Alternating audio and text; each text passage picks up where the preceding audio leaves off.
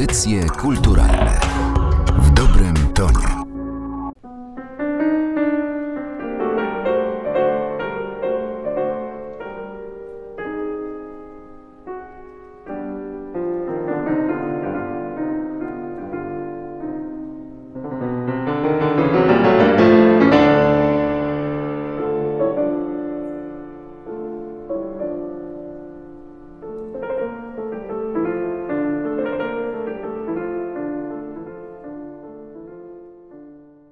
Mikrofonie Martyna Matwiejuk witam się z Państwem. 20 listopada rozpoczyna się trzeci Międzynarodowy Festiwal Muzyki Europy Środkowo-Wschodniej Eufonie.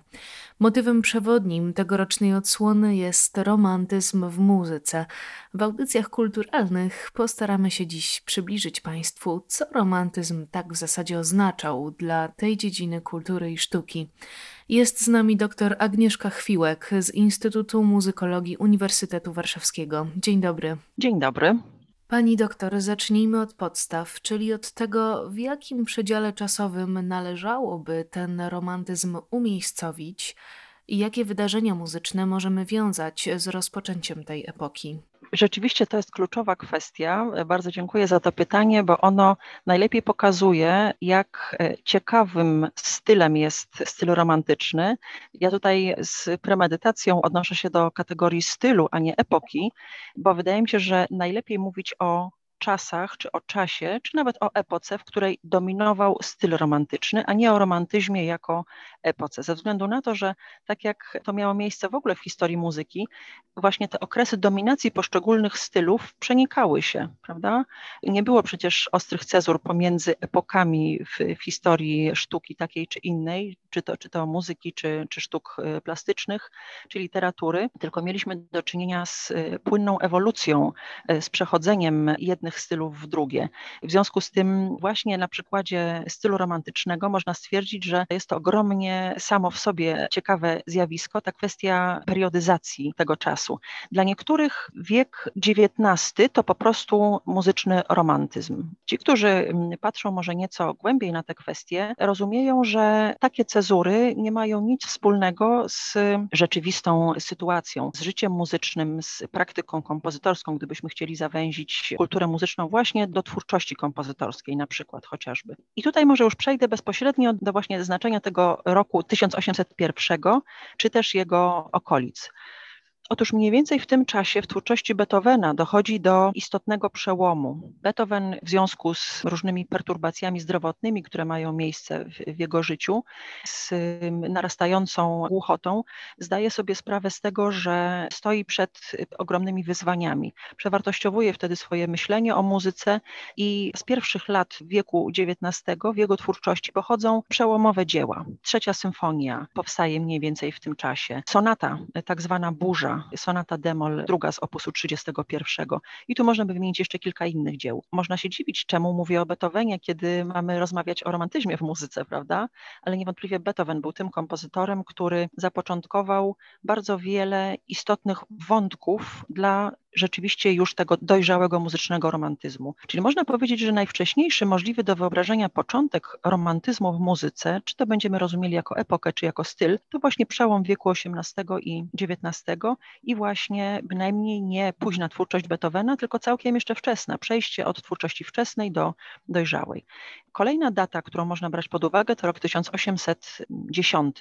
Wtedy pojawia się bowiem na świecie tak zwana generacja 1810, generacja kompozytorska, inaczej zwana drugą generacją romantyczną, czyli Chopin, Mendelssohn, Schumann i Liszt. Czyli jak widzimy, jak słyszymy, kluczowe zupełnie postaci dla kształtowania oblicza dojrzałego romantyzmu w sztuce muzycznej. Jest jeszcze jedna, jedno znaczenie istotne właśnie tego roku 1810 jako cezury między czasami dominacji stylu klasycznego a romantycznego. Otóż E.T.A. Hoffman Wtedy wydaje swoją recenzję poświęconą Piątej Symfonii Beethovena i używa pojęć może nie romantyzm, ale das romantysche, czyli to, co romantyczne. Kolejna data możliwa do uwzględnienia, rok 1815, czyli uśredniona data tak zwanego przełomu romantycznego w twórczości Schuberta. Kiedy myślimy o Schubercie, pewno przychodzi nam na myśl właśnie skojarzenie ze stylem romantycznym, ale przecież Schubert czyli kompozytor pierwszej generacji romantycznej, był twórcą rozpoczynającym swoją działalność kompozytorską jako kompozytor klasyczny. Wczesna twórczość właśnie sprzed roku 1815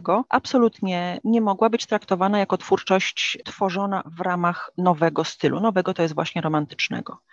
Natomiast właśnie w tym, w tym czasie, w okolicach roku 1815, pojawiają się takie kompozycje jak Gretchen am Spinnrade, czyli Małgorzata przy kołowrotku, czy raczej Małgorzatka, czy Małgosia przy kołowrotku, bo w języku polskim nie uwzględniamy tego tłumaczenia, tej wersji zdrobniałej. I czwarta symfonia y, Schuberta, czyli te dzieła, które chyba najpełniej wyrażają właśnie zmianę paradygmatu stylistycznego w jego mm, twórczości. Tyle o roku 1815. Kolejne dwie daty przełomowe, rok 1827, śmierć Beethovena. Rok później umiera Schubert, rok 1828, czyli śmierć najwybitniejszego twórcy pierwszej generacji romantycznej, tego, który wespół z, z Beethovenem położył podwaliny pod styl romantyczny. Dwa lata później, rok 1830, wydaje się kolejna i tu już ostatnia, w tym przypadku ostatnia data, na którą niektórzy badacze wskazują jako na początek czy epoki romantycznej, epoki romantyzmu w muzyce, czy też czasu dominacji stylu romantycznego w muzyce. Dlaczego rok 1830? Co się wtedy dzieje? Powstaje wtedy pierwsza symfonia Hektora Berlioza, czyli symfonia fantastyczna. Dzieło, które uznawane jest przez niektórych badaczy za pierwszą romantyczną symfonię programową, a zważywszy na to, jakie znaczenie miała muzyka programowa dla stylu romantycznego, warto wziąć właśnie tę podpowiedź pod uwagę. Jeszcze jedna przysłanka, odnosząca się wprawdzie do biografii, ale biografii twórczej, czy raczej biografii twórczych. Generacja kompozytorów 1810, czyli nasza wielka czwórka, wchodzi w fazę twórczości dojrzałej. Niezależnie od tego, czy mamy do czynienia tutaj z kompozytorami, którzy byli cudownymi dziećmi, czy takimi, którzy powoli osiągali dojrzałość twórczą, powoli do niej dochodzili, w roku 1830 o każdym z nich można powiedzieć, że rozpoczyna się dojrzała faza jego twórczości. Tyle jeśli chodzi o pierwszą datę, datę otwarcia tego właśnie stylu romantycznego w muzyce, jego dominat w sztuce muzycznej. Jeśli chodzi o zamknięcie tej epoki, tu sprawa jest chyba jeszcze trudniejsza. Można wymienić dekadę lat 80., kiedy umiera Wagner, czyli kompozytor, który mm, pod pewnymi względami przesunął granice sztuki muzycznej najdalej. Lata 90. umiera Brahms, czyli ten kompozytor, który bardzo silnie odnosił się do stylistyki klasycznej, do pewnych podstawowych wątków w ramach epoki klasyczno-romantycznej, które y, można powiedzieć stabilizowały muzyczny romantyzm właśnie na korzeniach klasycznych. Wreszcie okolice roku 1910, czyli moment, kiedy oczywiście również uogólniając pewne kwestie, ale wskazuje się na moment y, graniczny między czasami, kiedy dominowała w muzyce twórczość bazująca na systemie tonalnym dur-moll i w okolicach tego roku 1910 zaczyna dominować twórczość kompozytorska, taka, o której mówi się, że odnosi się do swobodnej atonalności. Za kilka lat znów pojawi się nowy system, dodekafonia i to już będzie zupełnie nowa muzyka. I wtedy będzie można z całą pewnością powiedzieć, że w twórczości tych najbardziej awangardowych kompozytorów nie można już mówić o najdrobniejszych nawet odniesieniach do w tym przypadku starego stylu, czyli stylu romantycznego. Powiedziała Pani na początku o tym, że być może powinniśmy raczej mówić o stylu romantycznym, a nie epoce. Literatura romantyczna bardzo często odwoływała się do ludowości, również do równości ludzi, niezależnie od ich statusu społecznego czy też wykształcenia. Przepełniona była magią, baśniowością i wiarą w siły nadprzyrodzone. Takie elementy dostrzegamy również w malarstwie romantycznym. Jak ten odwrót od realizmu i zerwanie z dotychczasowymi regułami odzwierciedlało się w muzyce? To bardzo ważna i bardzo interesująca kwestia, kwestia ludowości. Wydaje mi się, że o niej warto wspomnieć na początku. Dlaczego? Mianowicie wydaje się, że ludowość, obecność wątków ludowych, wpływ sztuki ludowej, twórczości ludowej na sztukę artystyczną, sztukę wysoką jest zjawiskiem chyba wszechogarniającym. Twórczość kompozytorów należących do bardzo różnych tradycji muzycznych, tworzących w bardzo różnych ośrodkach, choćby na mapie muzycznej Europy, prawda? Żebyśmy zamknęli się choćby właśnie tutaj w w przestrzeni naszego kontynentu. Ludowość przenikała do, czy wątki ludowe przenikały do muzyki artystycznej na różne sposoby. Warto tutaj wskazać dwa z nich, mianowicie jeden, chyba najbardziej popularny i najbardziej dostępny, najwygodniejszy, można powiedzieć, w stosowaniu dla wszystkich kompozytorów, nawet tych, którzy nie mieli kontaktu z muzyką ludową i nawet jeśli ona ich właśnie nie bardzo interesowała. Mianowicie myślę tutaj o tekstach pieśni ludowych, które były już w XVIII wieku, przede wszystkim w kręgach niemieckich akademików, zbierane, kolekcjonowane, wydawane w zbiorach. Zatem jeden sposób czerpania inspiracji z twórczości ludowej to właśnie umuzycznianie pieśni ludowych właśnie w pieśniach artystycznych, bądź też tworzenie utworów w innych gatunkach inspirowanych właśnie y, tekstami ludowymi. I wreszcie drugi wątek z naszego polskiego punktu widzenia, ogromnie ważny, to odwoływanie się do muzyki ludowej, do melodii, do rytmów tańców ludowych, do melodii pieśni ludowych, czy również tańców. Warto zwrócić uwagę właśnie na, na te kwestie, zważywszy na to, jak ogromną rolę w repertuarze polskim, w twórczości polskich kompozytorów odgrywały właśnie gatunki taneczne. I tutaj, żeby odnieść się do twórczości znanej chyba przez wszystkich, czyli do twórczości Chopina, można przywołać zbiór najliczniejszy w jego twórczości, jeśli chodzi o kompozycje pisane w jednym gatunku, zbiór jego kilkudziesięciu mazurków, czy też kilkanaście polonezów, które wyszły spod jego pióra, czyli kompozycje już bardziej rozbudowane od mazurków, ale i w, i w mazurkach, i w polonezach widzimy po pierwsze w punkcie wyjścia już bardzo głęboką znajomość tematu muzyki ludowej w świadomości kompozytorskiej Chopina i widzimy też z drugiej strony, kiedy patrzymy już z naszej perspektywy na całą jego spuściznę, widzimy długą drogę e, ewolucji, jaką przeszedł e, właśnie na gruncie mazurków i polonezów jego styl kompozytorski. Bardzo indywidualny, ale przecież właśnie tak zróżnicowany na skrajach tej spuścizny. Zauważamy niesamowity rozwój warsztatu kompozytorskiego i kierunek tego rozwoju staje się też całkowicie czytelny. Kiedy słuchamy wczesnych polonezów i mazurków Chopina, słyszymy muzykę użytkową. Można byłoby tańczyć do tej muzyki, nie byłoby z tym najmniejszego problemu.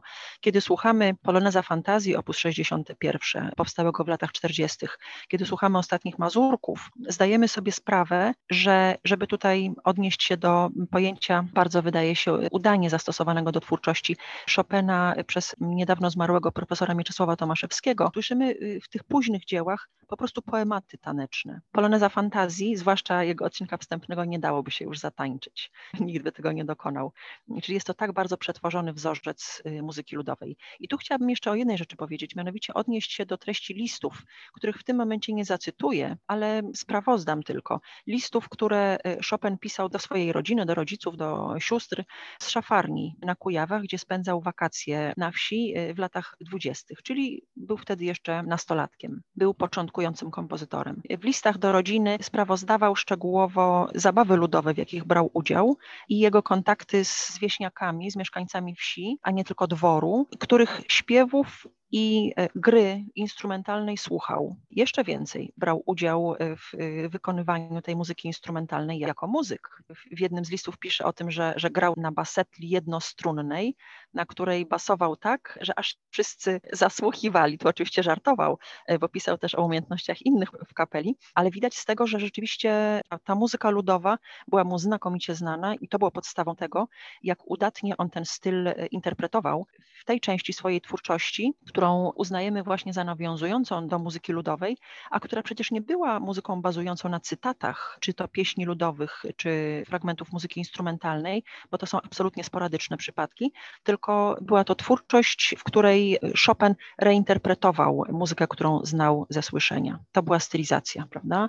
A jednocześnie, zwłaszcza odbiorcy z innych krajów, nie znający naszej muzyki ludowej, ale i my, przecież oddaleni tak bardzo od większości, od wzorów muzyki ludowej w naszych czasach już bardzo mocno przetworzonej, prawda? Nawet my, my słuchając jego muzyki też odnosimy wrażenie, że te mazurki i polonezy, zwłaszcza mazurki, bo przecież polonezy nie były tańcem, tańcem ludowym, prawda? Więc w zasadzie należałoby mówić głównie o mazurkach. To muzyka ludowa. Nie, to stylizacja. Jeszcze jeden bardzo ważny wątek i istotny dla polskiej twórczości XIX wieku, mianowicie rytmy taneczne, które były wprowadzane przez kompozytorów do symfonii, do koncertów, do utworów kameralnych, kwartetów smyczkowych i innych utworów kameralnych, do sonat fortepianowych, czyli widzimy to wnikanie tkanki muzycznej inspirowanej muzyką ludową, bądź też cytatami z muzyki ludowej, do gatunków czy, czy form muzyki artystycznej. A w muzyce polskiej, zważywszy na sytuację polityczną, y, jaka, jaka w XIX wieku miała miejsce na ziemiach polskich, to odwoływanie się, można powiedzieć, nawet takie kompulsywne do tych wątków polskich, czy to niesionych przez rytmikę tańców polskich, czy odwoływanie się do melodii pieśni polskich, jest zjawiskiem absolutnie powszechnym. Jeśli chodzi o wątki baśniowe i, i magiczne, tutaj może już odniosę się do tego y, łącznie. Jest to niesamowicie silne źródło y, inspiracji, niesamowicie silne wątki ważne dla twórczości operowej. Kiedy spojrzymy na w zasadzie na wszystkie tradycje operowe, gdziekolwiek spojrzelibyśmy, w którekolwiek miejsce na muzycznej mapie Europy spojrzelibyśmy, tam zapewne odnajdziemy zarówno wątki baśniowe, jak i magiczne właśnie w librettach, w tematyce tych dzieł, dzieł operowych, dzieł baletowych. Jeszcze jedno miejsce, jeśli chodzi o gatunki, do których właśnie ta tematyka baśniowa czy magiczna przenikała. Może nie w takim stopniu jak właśnie do dzieł scenicznych, ale też była istotna. Mianowicie myślę o właśnie muzyce programowej, czyli tej, której znaczenie dla muzyki pisanej w stylu romantycznym zasygnalizowałam, wspominając pierwszą symfonię Berlioza, czyli symfonię fantastyczną, prawda? Ja pozwolę sobie jeszcze wrócić do Fryderyka Chopina, o którym pani mówiła. Oczywiście podczas tegorocznych eufonii będą wykonywane również jego kompozycje. Zwieńczeniem będzie koncert finałowy, kiedy to zostanie zaprezentowana wersja jego koncertu fortepianowego F-moll.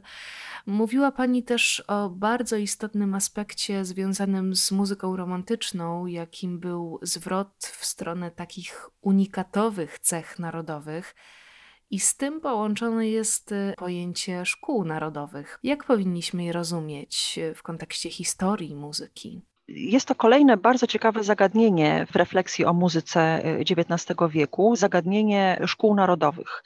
Nie jest ono jakimś szczególnym wyróżnikiem na poziomie najbardziej ogólnym wieku XIX i stylu romantycznego, bo zjawisko szkół narodowych, odrębności narodowych, istnienia odrębnych stylów narodowych w sztuce jest zjawiskiem bardzo starym w historii muzyki, prawda? I tutaj, żeby choćby odnieść się do tych gatunków, które również w XIX wieku były kultywowane, czyli na przykład do opery. Warto zauważyć, że opera od swoich początków mm, rozwijała się wprawdzie najpierw w jednej lokalizacji, czyli w, w różnych ośrodkach włoskich. Tutaj oczywiście nie będę wchodziła w, w szczegóły ewolucji tego gatunku, ale w każdym razie no, Włochy są kolebką opery, prawda? Ale dość szybko rozprzestrzenił się też ten e, gatunek na inne kraje Europy. Myślę tutaj przede wszystkim o e, dwóch lokalizacjach, Francja i Niemcy. I w kolejnych wiekach w tych trzech miejscach właśnie, w niemieckich krajach, w krajach niemieckojęzycznych, e, we Włoszech i we Francji, bardzo bujnie rozwijała się właśnie opera. I zróżnicowanie gatunków operowych czy podgatunków scenicznych, nawet gdybyśmy się tylko do samej opery tutaj ograniczyli, prawda, nie biorąc pod uwagę mm, choćby baletu czy dramatu muzycznego na przykład, który narodził się w, w tradycji niemieckiej, prawda, wyrósł na gruncie niemieckiej tradycji operowej, ale gdybyśmy tylko pozostali właśnie przy rozważaniu problematyki gatunku opery. Mm, zauważamy w wieku XIX bardzo silne zróżnicowanie tych gatunków, które widać nie tylko w sposobie umuzyczniania e, libret na różne sposoby, prawda? I zupełnie różnych rozwiązań techniczno-muzycznych obecnych w tych trzech tradycjach, ale też, co może jeszcze łatwiej uchwytne, nawet dla osób, które nie są, powiedzmy, głęboko zaznajomione ze specyfiką twórczości operowej, jest to widoczne również w librettach, w tematyce libret. Kiedy spojrzymy właśnie na niemiecką operę narodową, cóż tam spotykamy? Właśnie ogromne znaczenie wątków ludowych, baśniowych, magicznych, prawda? Wątek faustowski, zaczerpnięty od Goethego, promieniujący twórczości różnych kompozytorów, kompozytorów niemieckich, ale też oczywiście poza granicę, nie tylko opery, ale i w ogóle muzyki niemieckiej, prawda? Zatem wątek faustowski odnajdziemy w, w twórczości kompozytorów różnych mm, narodowości, ale jednak on promieniował właśnie z, z ośrodka niemieckiego, prawda? Kiedy spojrzymy z kolei na operę francuską XIX wieku, widzimy kategorię gatunkową grand opera, prawda? Z czym tam mamy do czynienia, jeśli chodzi o libretta? Tematyka historyczna. W języku polskim, kiedy o tym mówimy, o tym gatunku, używamy określenia wielka opera historyczna właśnie, czyli, czyli podkreślamy od razu znaczenie tematyki historycznej y, dla libret, prawda? Kiedy patrzymy z kolei na, przyglądamy się operze włoskiej, to widzimy, że owszem, tematy historyczne zdarzają się, tematyka ludowa y, chyba w, niewielkim zakresie, ale też w niektórych dziełach występuje, ale tutaj przede wszystkim mm, te relacje y, międzyludzkie, konflikty charakterów, wielki temat, oczywiście zasadniczy temat sztuki romantycznej, czyli miłość, niekoniecznie odwzajemniona, prawda, często nieszczęśliwa właśnie, obecnie to ogromnie ważny temat y, libret operowych. Czyli widzimy, że punkty ciężkości w librettach tych trzech tradycji narodowych były postawione w zupełnie różnych miejscach, prawda? I to są te trzy wielkie szkoły narodowe, które mają swoją długą tradycję historyczną. Co się dzieje w wieku XIX? Oczywiście to nie jest sytuacja, która rozgrywa się tylko y, na, y, na płaszczyźnie sztuk, czy tym bardziej sztuki muzycznej, ale ona też ma bardzo głęboki związek z tym, co się dzieje w polityce jakie ruchy do, dochodzą do głosu wśród społeczeństw w różnych punktach Europy, nawet poza tymi trzema wielkimi tradycjami narodowymi, prawda? Pojęcie narodu jest y, bardzo intensywnie omawiane w, w kręgach uniwersyteckich, w kręgach intelektualnych i właśnie takie nowoczesne rozumienie narodu i wszystko to, co buduje tę świadomość narodową, co ją podtrzymuje, wzmacnia, rozwija, co pozwala jej ewoluować y, jest ogromnie istotne. I tutaj wszelkie sztuki dochodzą do głosu z ogromną siłą, w tym również sztuka muzyczna. Można zapytać, dlaczego muzyka ma tutaj ogromne znaczenie. Być może nawet, nie chcę powiedzieć, że na przykład większe niż literatura, bo tutaj oczywiście różne teksty, można powiedzieć, programowe właśnie tych ruchów budujących świadomość narodową są ogromnie istotne, ale wydaje mi się, że muzyka może działać z równą siłą. Dlaczego? Muzyka odwołuje się bezpośrednio do uczuć. Muzyka, na przykład instrumentalna, nie potrzebuje pośrednika, czyli na przykład słów bądź też obrazów, do tego, żeby wnikać bezpośrednio do tych najgłębszych warstw y, psychiki ludzkiej, prawda? Żeby, żeby właśnie chwytać za emocje i można powiedzieć targać nimi po to, żeby dawać y, właśnie takie bardzo silne mm, emocje, w tym przypadku związane właśnie z tym, z tym budowaniem się narodów, prawda? W programie tegorocznego Festiwalu Muzyki Europy Środkowo-Wschodniej znalazły się dzieła reprezentatywne dla wielu szkół narodowych, nie tylko tych, o których rozmawiałyśmy, ale również czeskich, słowackich czy skandynawskich. Ja chciałabym zapytać jeszcze Panią o to, co czerpiemy z tradycji romantycznych dzisiaj, gdzie współcześnie możemy usłyszeć echa tego okresu. Kolejne ważne pytanie, do którego na pewno warto, zagadnienie, do którego na pewno warto się odnieść. Mianowicie, nawet jeśli mamy świadomość, jesteśmy przekonani, że żyjemy w ponowoczesności i nie czujemy ciągłości tradycji, wydaje nam się, że po awangardzie drugiej połowy XX wieku żyjemy już w zupełnie innym świecie, czy można użyć słowa paradoksalnie, nawet nie wiem, czy ono jest potrzebne.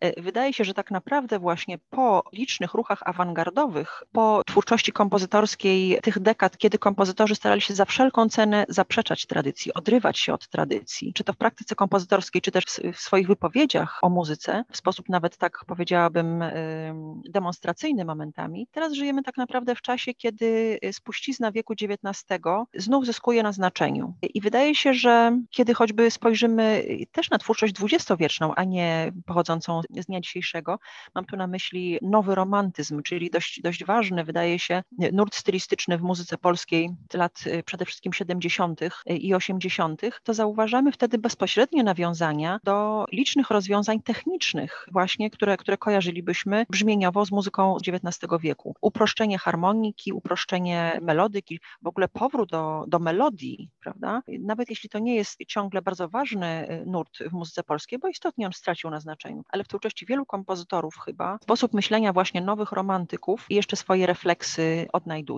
Wydaje mi się, że, że to, co najważniejsze dla romantyzmu, czyli podkreśliłabym szczególnie jedną cechę stylu romantycznego, nie tylko romantyzmu muzycznego, ale w ogóle sztuki romantycznej, niezależnie od tego, czy myślimy o literaturze, teatrze, sztukach plastycznych, prawda, czy muzyce. Mam tutaj na myśli indywidualizm, znaczenie myślenia indywidualnego, konieczność budowania własnego języka, własnego stylu. Jeśli chodzi o tych najwybitniejszych twórców, poszukiwanie własnych rozwiązań technicznych. Zatem wydaje mi się, że ten postulat indywidualności, konieczności budowania, poszukiwania własnego języka zachowywał e, swoją e, aktualność, siłę przekazu, siłę inspiracji we wszystkich kolejnych dekadach, mimo zmieniających się uwarunkowań społecznych, politycznych, wszelkich innych, jakie można sobie wyobrazić jako istotne dla, dla sztuki, prawda? Do dnia dzisiejszego zachowuje swoją aktualność. Doktor Agnieszka Chwiłek z Instytutu Muzykologii Uniwersytetu Warszawskiego gościła dziś w audycjach kulturalnych. Bardzo dziękuję za przybliżenie i zarysowanie stylu romantycznego. Przypominam, że właśnie na bazie tego okresu stworzony jest program tegorocznych eufonii, chociaż jest to tylko punkt wyjścia, bo również wiele niespodzianek i nowości czeka na Państwa. Zachęcamy do zapoznania się z programem festiwalu. Szczegóły znajdą Państwo na stronie Narodowego Centrum Kultury. Pani doktor, dziękuję raz jeszcze. Dziękuję bardzo. Martyna Matwiejuk, kłaniam się. Do usłyszenia.